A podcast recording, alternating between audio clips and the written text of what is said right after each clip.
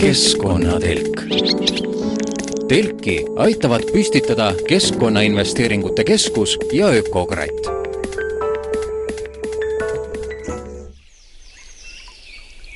tere kuulama Keskkonnatelki, olen Kristi Kool ja seekord sisustan saateaega mina. keskkonnatelk kestab tund aega, nii et jõuate ilusasti laulupeo teisele kontserdile, mis algab täna kell kaks. praegu aga võtke mõnusasti istet ja kuulake, mõelge kaasa keskkonnatelgis on täna neli külalist, kaks neist Tallinna Tehnikaülikooli tudengid Evelin Roop ja Martin Simson.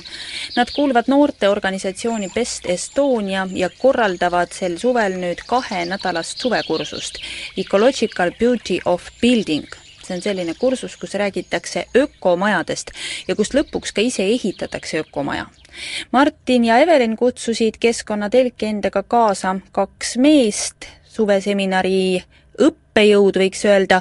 Nad on ettevõttest IVT soojuspumbad, need on Aivar Paabo ja Siim Mehevits, kes räägivad, mismoodi käib ökomoodi kütmine ja kui edukas Eesti selles vallas on.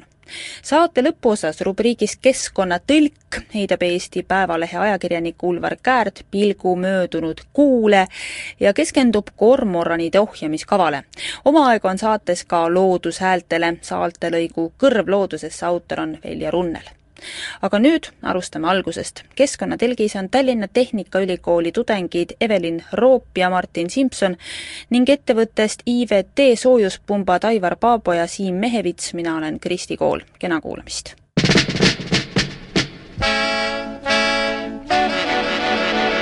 keskkonnatelk lööb vaia maasse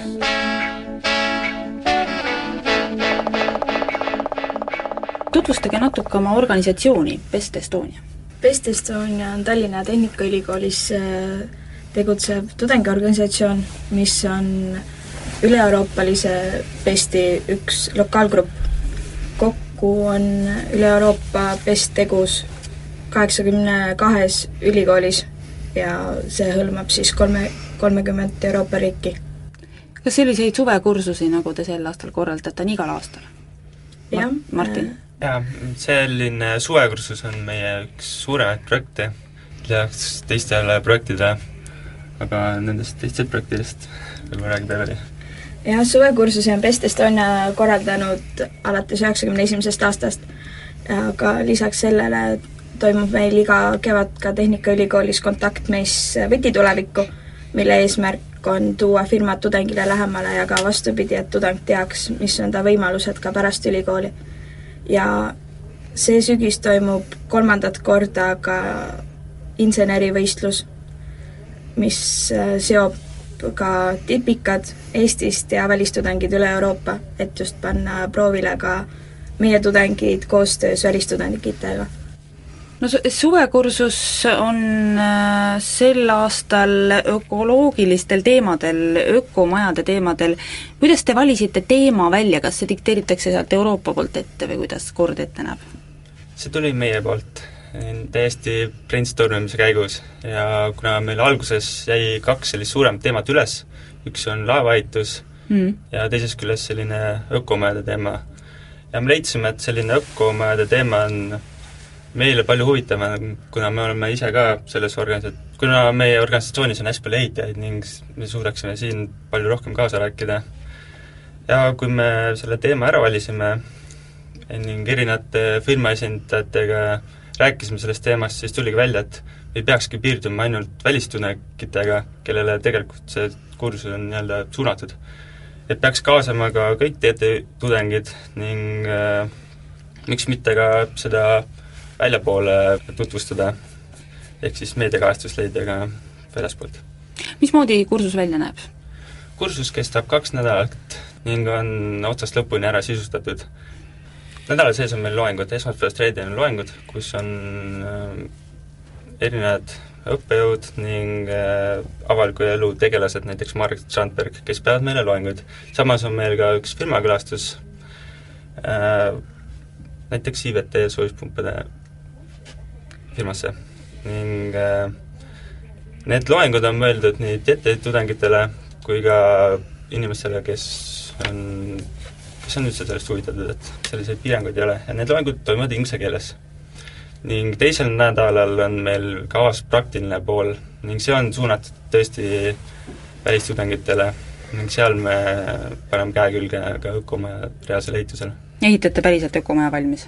Me päris valmis seda tõesti ei jõua, kuid me suuda, saame erinevatest ehitusetappidest osa võtta, kas siis vundamendil ning äh, põhumaja seinte, seinte poole pealt. ning samuti krohvimise seisukohalt, et see on ka selline üks, üks külg sellele. Siim ja Aivar, kas ökomaja teema on oluline, on teil hea meel, et noored valisid laevaehituse asemel ökomajad?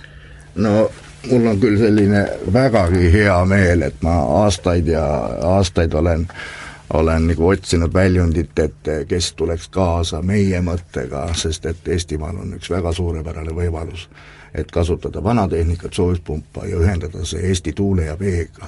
kuna kompressor on elektrimootor ja seda on vaja toita ja meie põlevkiviga toodetud elekter sisaldab vägagi palju CO2, aga praegu seda ressurssi rohelise energia näol on päris palju ja see ökomaja oleks saastevaba see ökoloogilisus sellest CO2 võib-olla on veel tähtsam, see tähtsus kasvab iga päevaga ja tudeng on see kindlasti, kes oma äh, Äh, hetkel, elu võib-olla kõige kulminatsioonilise hetkel on just seesama CO2 haldaja, võib-olla.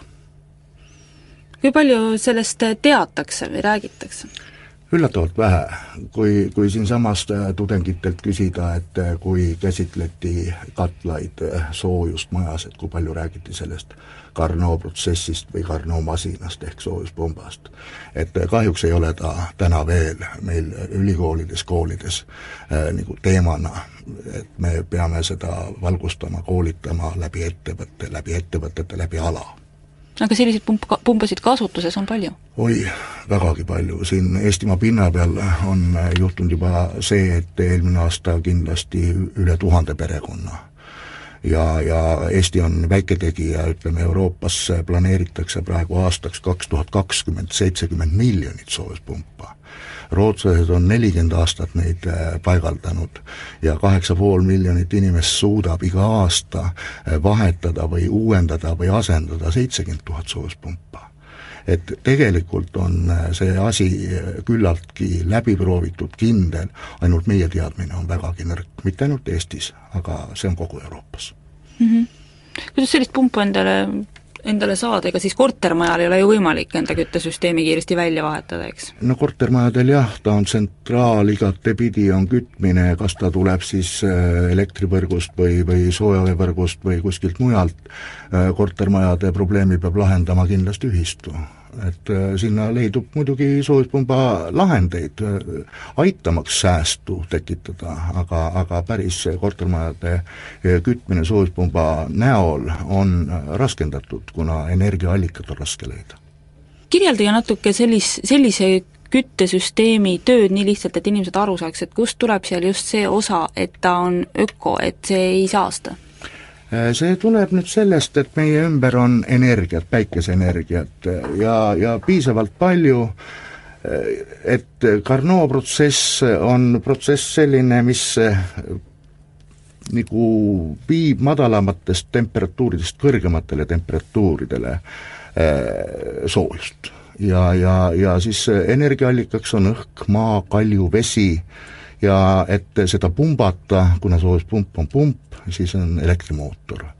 ja, ja elektrimootor vajab elektrit ja see osa siis on, on elekter, aga ülejäänud on ju meil akumuleerinud päikeseenergia kas äh, seda, seda teemat tutvustate teie siis seal äh, suvekoolitusel või? jah, meil on esimene, esimene tudengite külaskäik on vist teisipäeval ja Siim Mehevits võib-olla räägib sellest käigust. ole hea, Siim mis te no, näitate? iseenesest äh, esimest korda mõtlesime, et tekitame tudengitele väikse feeling'u ja ja maitse sellest, mida meie päevast päeva teeme. ja, ja, ja kutsusime külla endale, kes oli kakskümmend inimest, kes, kes tulevad siis kuulama meie, meie, meie mõtteid ja meie eesmärke mitte ainult siis müügi koha pealt, vaid siis ikkagi niisuguse globaalsema ja rohelisema teema kohaselt, et, et, et äh, mida me saavutada soovime ja, ja, ja ütleme siin Aivar suureti kasutab äh, ühte terminit äh, Eesti Nokia, et, et äh, tudengitele ka rääkida sellest, kuidas saastuvaba kodusi tänasest siis alates luua iga päev. küll jah, kortermajade puhul on see kindlasti raskendatud, aga ei ole välistatud, ka seda saab teha, aga selle sõltub jah ühistustest muudest, aga eramajade puhul on see väga lihtne ja ja, ja me loodame teisipäeval saada inimesi enda, enda ütleme siis mõttekaaslasteks ja ja, ja, ja edaspidi siis võib-olla ka ütleme siis oma klientideks ja, ja, ja ka edasimüüjateks. ja kaadriks. ja kaadriks kindlasti, kui nad nii-öelda ülikoolist välja astuvad ja, ja soovivad nii-öelda tööd leida ja a, sinna ellu astuda nii-öelda.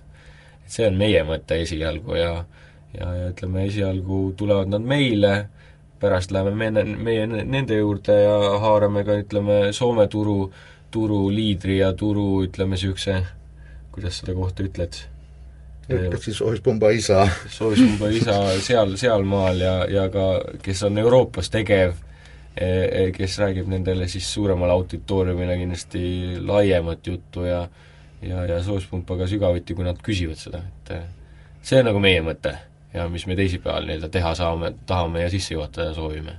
see on see no ökomaja ei koosne ju ainult ökoloogilisest küttest, missuguseid muid võimalusi veel on, kes on need, inimesed, teised inimesed, kes, kes tutvustavad teile, kuidas teha ökomaja? Need loengud haaravad täiesti suurt pilti, et ökomaja võib olla ka nii modernne, reaalne, tänapäeva kõrgtehnoloogilise ei pea niisugune samblaonnikene olema niimoodi.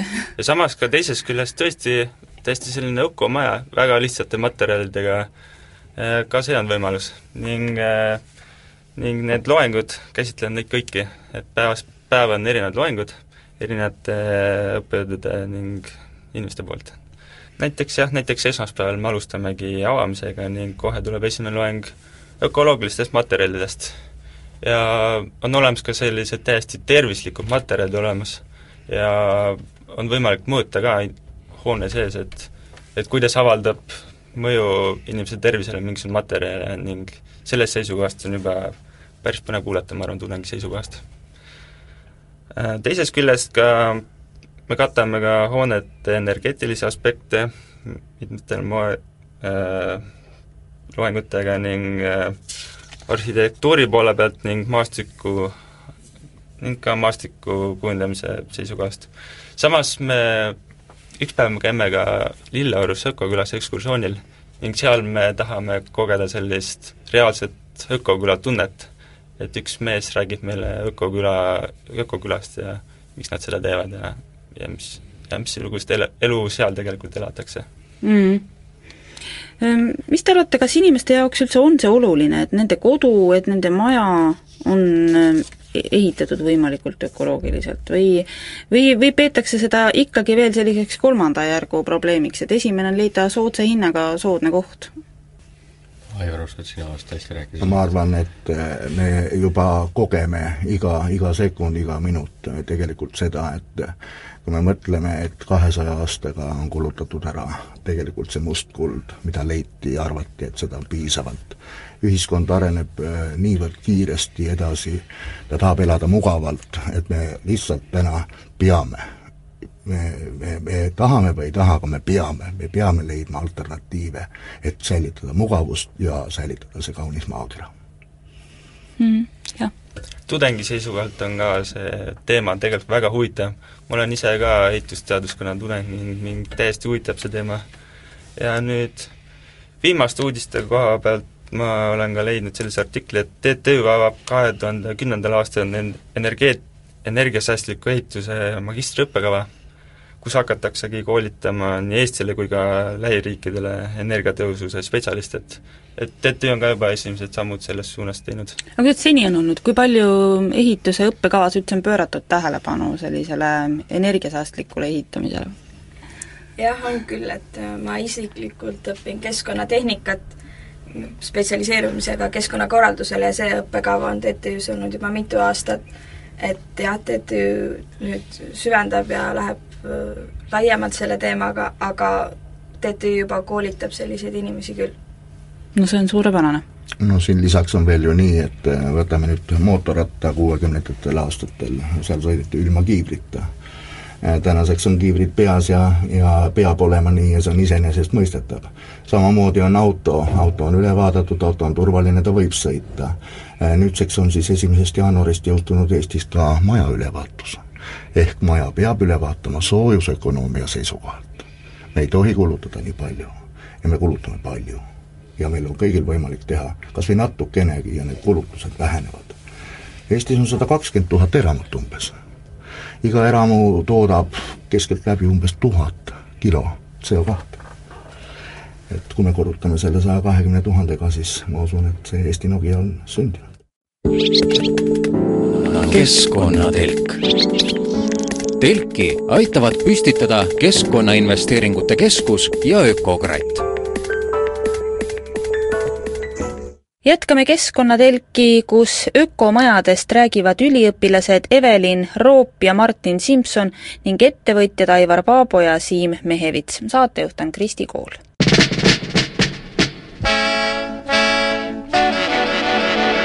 keskkonnatelk lööb vaia maasse.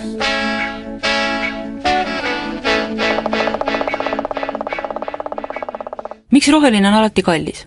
Äh, ma ei oskagi sellele vastata, ma arvan nii, et teadlik inimene on intelligentne inimene ja tavaliselt need inimesed oma võimekusega on suutnud endale ka teha raha ja see ei ole nendele nii tähtis, et tähtis on ikkagi teadlikkus ja on või väga palju asju, mis on tähtsamad, kui on raha et äh, ma ei oska sellele vastata nii otseselt, aga kaudselt see on meie sisimas ja intelligentsuski. see on intelligentsust, ma mõtlesin just nagu selle ökoloogilisuse seisukoha pealt, kuna ühiskond on kuidagi vägagi palju kaubaline, äh, see turumajandus, see, see, kus me nüüd elame et äh, need väärtused tulevad ja ma usun, et järgmine põlvkond äh, ei, enam ei räägi sellest, see on iseenesestmõistetav, vaadates oma lapsi ja oma harjumusi, mis on äh, ikkagi pärit ju Nõukogude ajast, midagi ei ole öelda.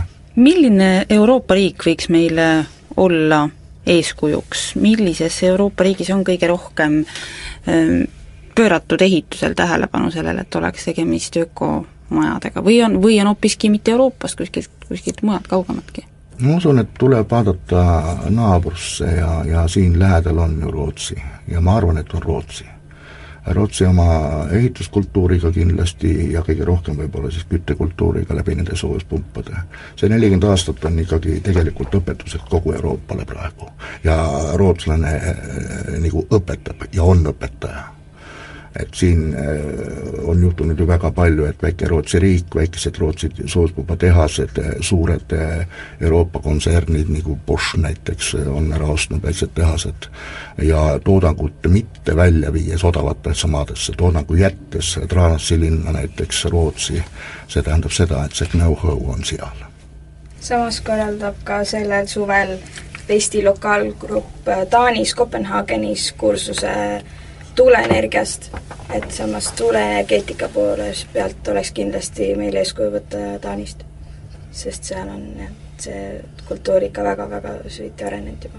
kui palju tudengid äh, saavad õppida võib-olla mõnes, mõnes teises ülikoolis või palju teie saate Euroopa kogemust oma õppe, õppetöö juures? Äh, Tehnikaülikool võimaldab õppida ka üle Euroopa aasta ja mõnel puhul ka enam võimalus, kellel on vähegi huvi, on. Pesti enda liikmed käivad väga palju just ennast täiendamas ka väljaspool Euroopat, et meie kui pestikad teame, et Euroopa ei ole enam mingi võõras kauge koht, et meil on Euroopa peaaegu kõik peopesa peal juba olemas. et äh, meie väga paljud liikmed käivad just Rootsis õppimas ja ka väga populaarne koht ongi just ka Taani Need tudengid, kes siia tulevad, on ka kõik ehitustudengid? jah, need on, enamus on tõesti ehitustudengid ning üheks selliseks kriteeriumiks oligi, et neil peab olema tõesti taust. kas nad on siis tõesti tsiviilehitusest pärit, keskkonnatehnikast, kas neil on arhitektuuri poole pealt äh, taust, need kõik, keda me valisime, me valisime motivatsioonikirjade alusel, et nii. et kõik, kes siia tulevad, need nii-öelda tahavad seda tõesti teha ning tahavad neid teadmisi siin koguda ning seda ka enda riiki tagasi viia. olid siis head motivatsioonikirjad? oli raske valida? ei olnud ausalt öeldes.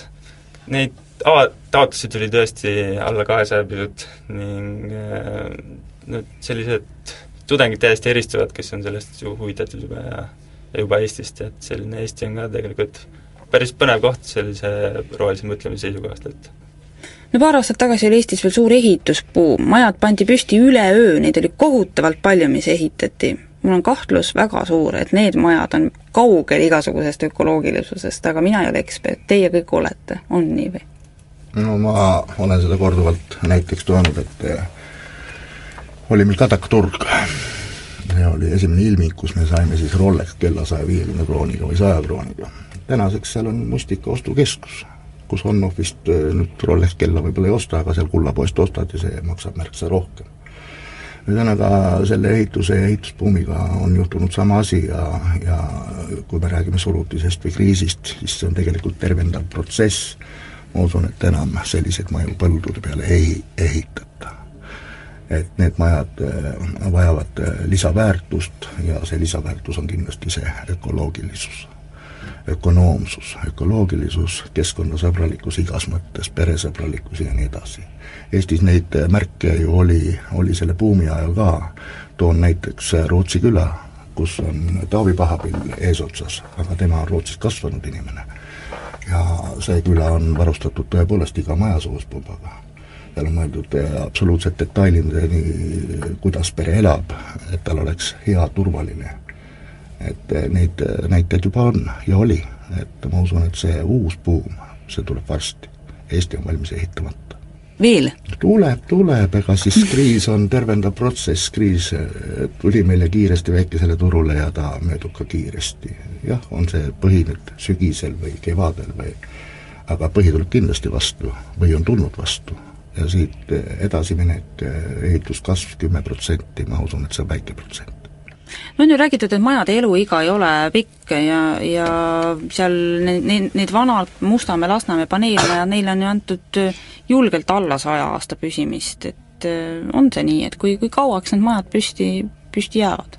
no eks see, osati see maja eluiga on tugevalt seotud äh, mitte maja endaga, vaid tegevusega ja ja, ja, ja ventileerimise ja kütmisega ka et äh, kui seal tõesti ja ütleme, kui me võtame Mustamäe ja Lasnamäe majasid, siis äh, äh, olematu ventilatsioon niisketes ruumides ma arvan, vähendab seda, seda selle maja eluiga ja selle, selle ruumi eluiga vähemasti poole võrra, kui mitte rohkem isegi.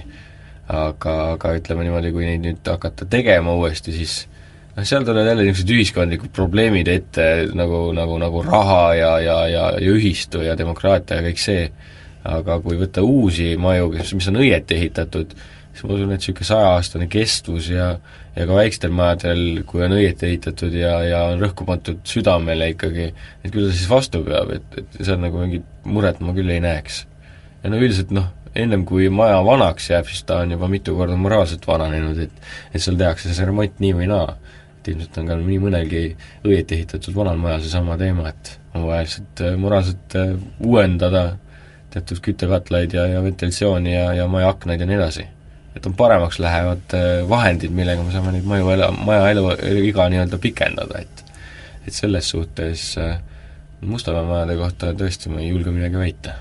Need on omal ajal ehitatud kellegi poolt, mille kohta mina ei tea mitte midagi ja ma olen sama meelt, et äh, raudbetoonist kindlasti spetsialistid ütlevad ja, ja annavad selle äh, hea, kuna selline maja nagu ehituskonstruktsioonis enam püsti ei seisa, aga ma usun, et oht on suurem selles, just selles ventileerimises.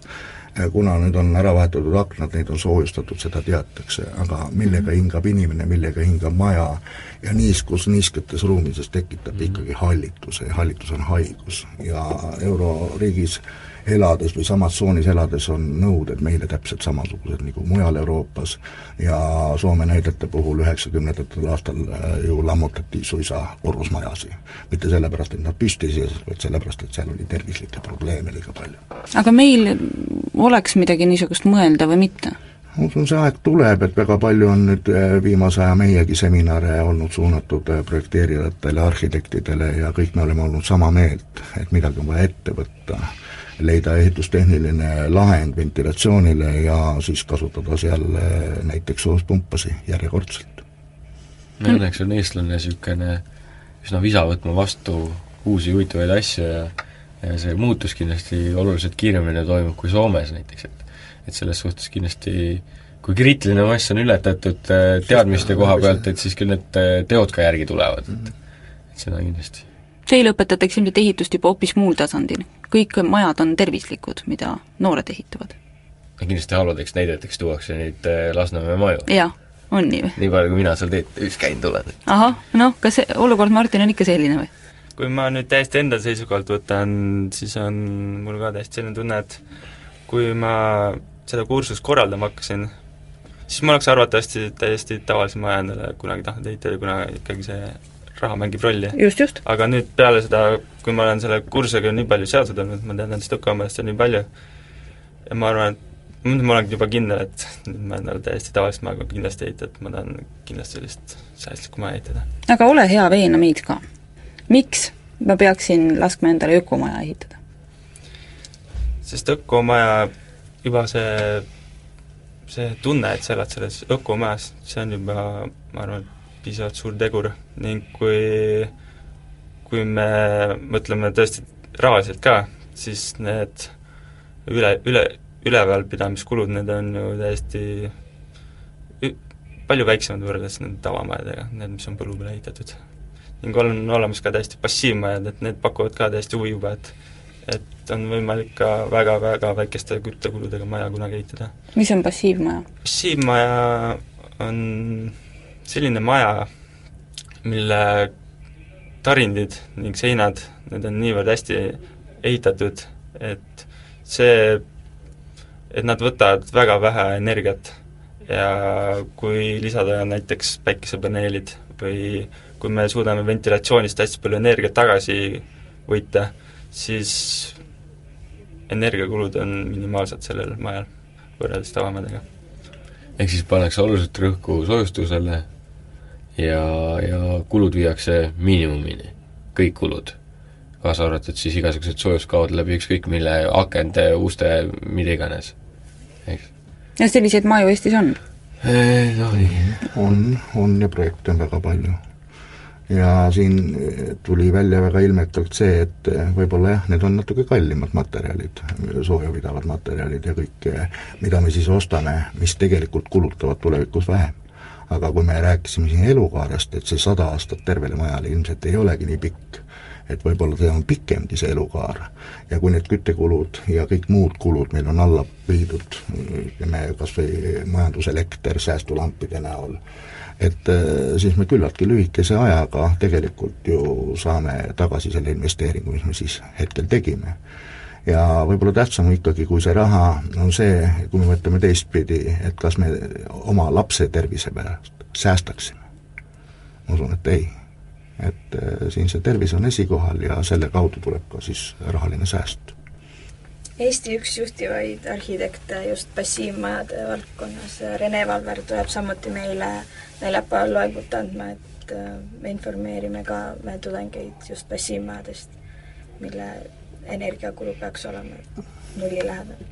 nii et kunagi võiks ju Eestis ollagi ainult sellised majad? absoluutselt.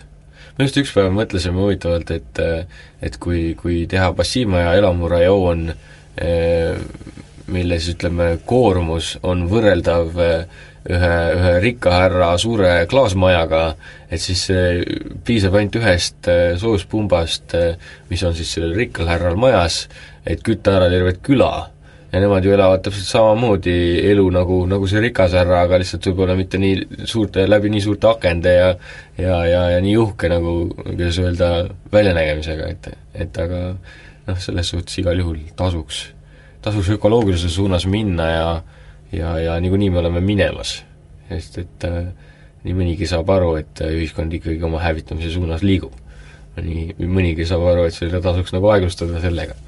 Et äh, see on jah, meie huvitav mõte, mis me ükspäev mõtlesime kontoris kust üldse leida materjali, kas on piisavalt ja arusaadavalt tavainimesele, mis on ökomaja, millised on ökoloogilised materjalid ja mis võimalused tal on ka oma, oma kodu muuta? säästlikumaks. kes otsib, see leiab. et äh, need äh, materjalid ei ole kindlasti nagu esmapilgul väga käegakatsutavad, aga kui inimene on juba huvitatud sellest, et ta tõesti mõtleb sellele, et ta soovib oma kodu muuta ökoloogilisemaks ja ka seeläbi säästa loodust, siis need materjalid on olemas suur tänu, Martin Simson ja Evelin Roop Tallinna Tehnikaülikoolist ja Aivar Soop, Siim Mehevits IVT soojuspumpadest. nüüd on järg Keskkonnatõlgi käes. Eesti Päevalehe ajakirjanik Ulvar Käärt võtab kokku möödunud kuu, eraldi tähelepanu all on kormoranid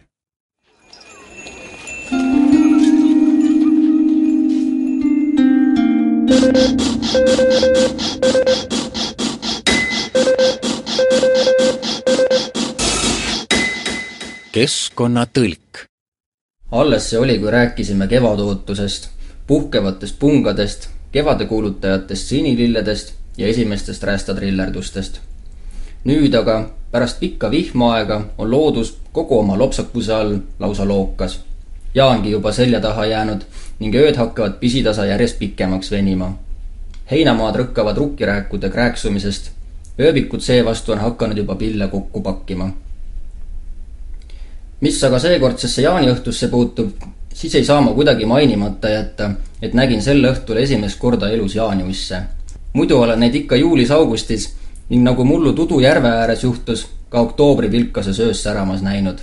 aga vaadates üldisemalt juunikuule tagasi, meenuvad mulle hoopis teised, veidi süngemad asjad tänavune jaanikuu jäädvustub ajalukku sellega, et lõpuks hakati katsetuste korras pihta kalurite põlu all olevate ning ka mustaks nuhtluseks ja katkuks hüütud kormoranide tõrjega.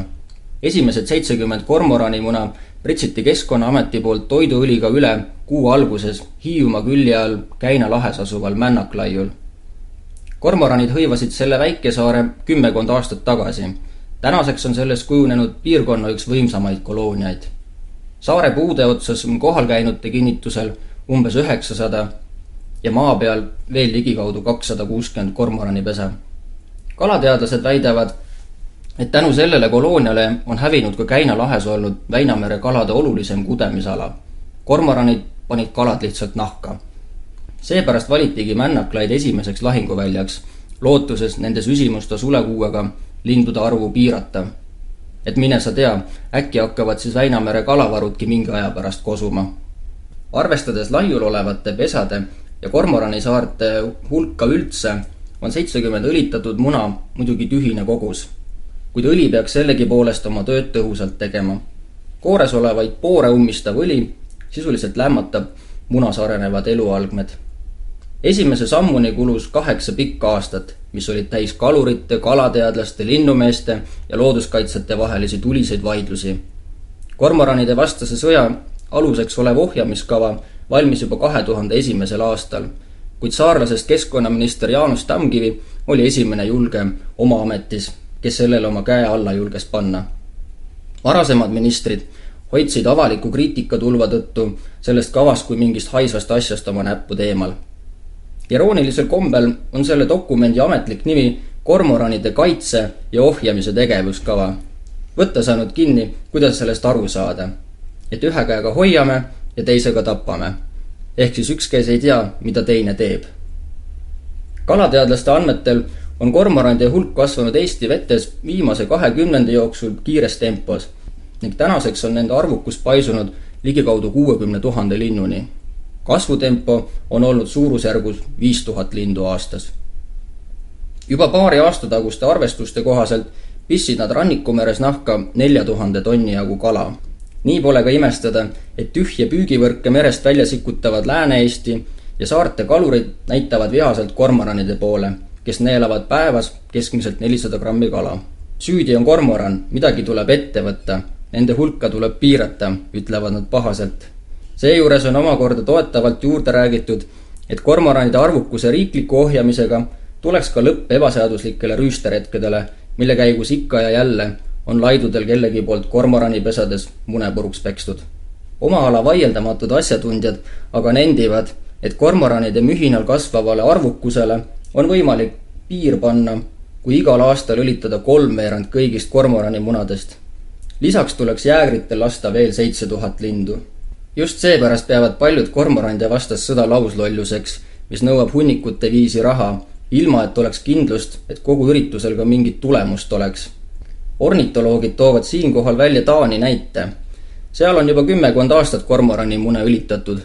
kuigi taanlased on täheldanud kormoranide arvu mõningast vähenemist, ei ole nad kindlad, et selle taga on just õlitamine. samuti viidatakse vastuargumendina sellele, et kormoranide asemel tuleks kalavarude kahanemise peapõhjuseks pidada ülepüüki ja Läänemere eutrofeerumist. nii pole ka imestada linnumeeste kibedat tõdemust, et kormorand on rakendatud lihtsalt poliitilise vankri ette. mulle tuletab aga kormoranide vastu võitlemine meelde aegasid, mil pandi jõgesid teistpidi voolama ja lähtuti loosungist me ei vaja looduselt armuande, me võtame, mis vaja.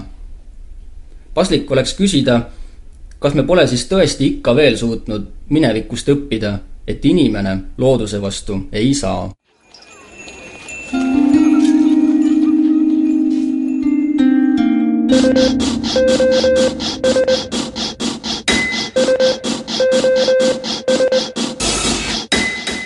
keskkonnatõlk keskkonnatelk läheb edasi helijärg Veljo Runneli käes, kes pakub teile kuulata hääli loodusest. Kõrv loodusesse. tere! täna kuulame loodust veidi teistsuguse nurga alt kui tavaline liikide ja laulude õppimine. eks suuremal või vähemal määral ole paljud kokku puutunud niinimetatud relaksatsiooniplaatidega, millel peaks olema rahustav mõju. enamasti on seal kokku segatud instrumentaalmuusika, kas siis kitarril, paaniflöödil või süntesaatoril esitatuna, ning looduse hääled, tavaliselt lainemüha või äikesevihm helidel on kahtlemata oma toime meie meeleoludele ja psüühikale. on ju olemas eraldi ravimeetodinagi muusikateraapia, mille rakendamist uuritakse teaduspõhiselt. kuidas aga suhtuda loodushelidesse kui meeleolu mõjutavasse faktorisse?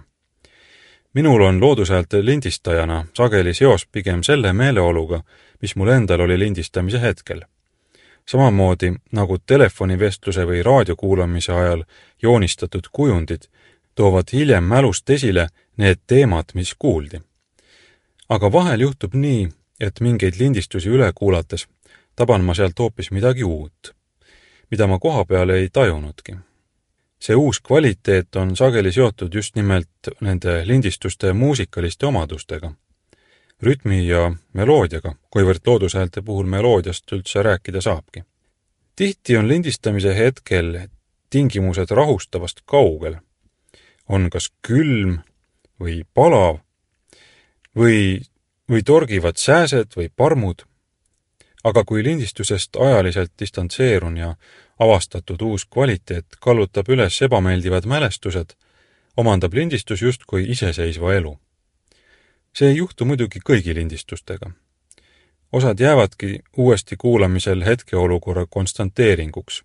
ahah, siin laulis metsvint, siin tegi häält suurkirjure, on teatud helisid, millel on tõesti oma tähendus juba sisse kirjutatud ja ka looduskauge inimene suudab sealt leida tuttavat elementi.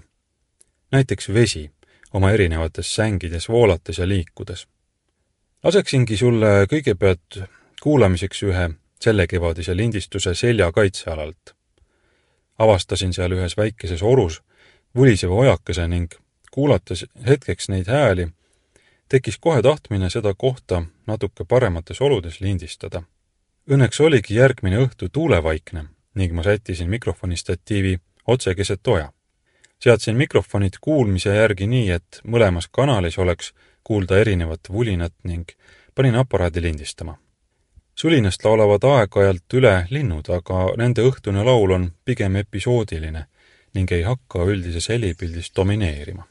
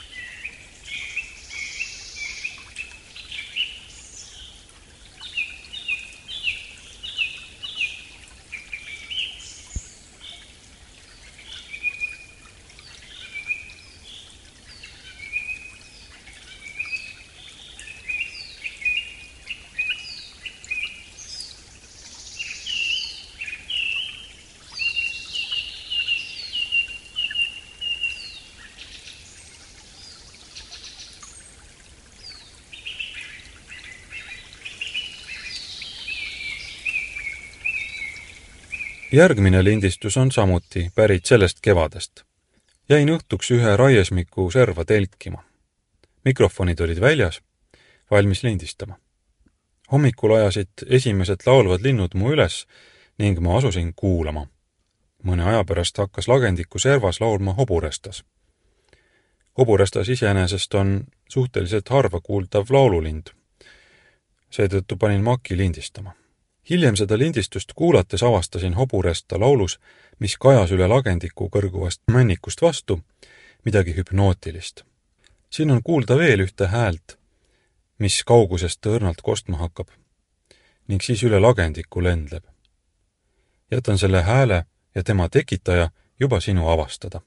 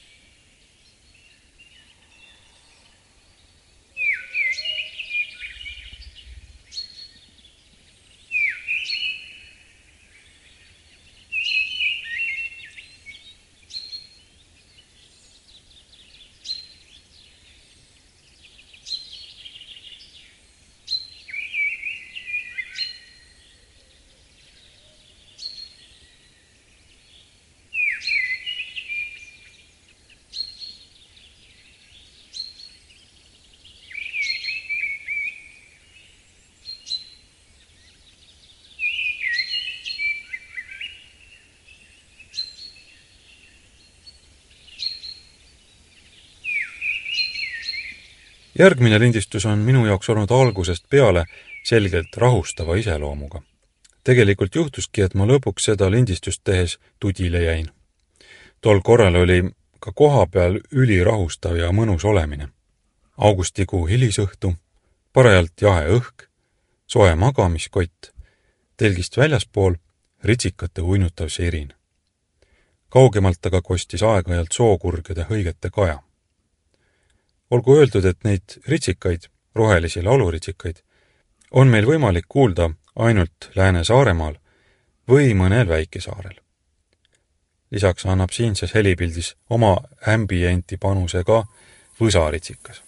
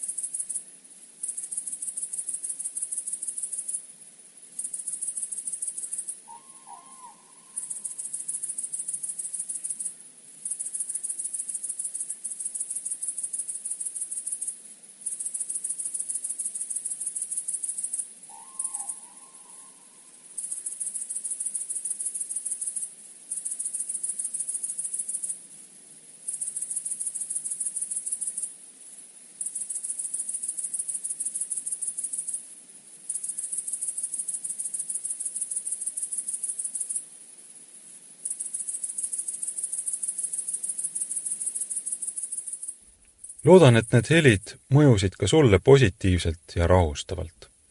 selle rahusooviga võikski sel korral looduselt minutit lõpetada.